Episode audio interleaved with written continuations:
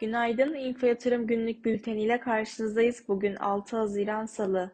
BIST endeksi haftaya pozitif başladı ve 258 puan yükselerek %5,04 oranında artış gösterdi.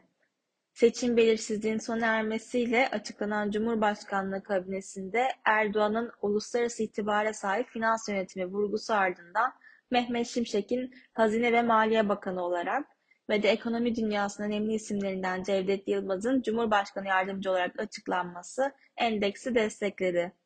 Endekse en çok yükselen sektör %9,2 ile ulaştırma olurken en çok katkı yapan paylar Türk Hava Yolları, Sasa ve Koç Holding oldu.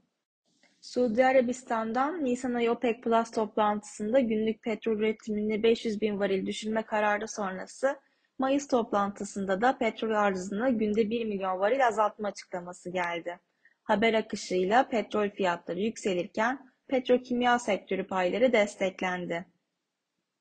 Dün yurt içinde tüfe verisini takip ettik. Mayıs ayında tüfe beklentilere paralel %0,04 oranında artış gösterirken yıllık bazda tüfe Nisan ayındaki %43,68 seviyesinden %39,59 seviyesine geriledi.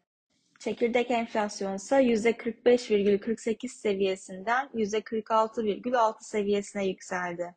Geçen yılın aynı döneminde %2,98 olarak açıklanan aylık bazda enflasyon sonrası baz etkisi kaynaklı olarak enflasyon son 5 ayda olduğu gibi Mayıs ayında da gerilemeye devam etti.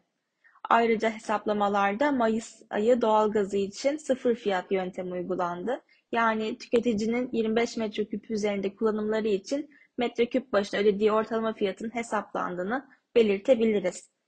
BIST endeksinde kısa vadede 5430, 5487 ve 5600 seviyeleri direnç, aşağı yönde ise 5260, 5150 ve 5090 seviyeleri destek olarak izlenecek.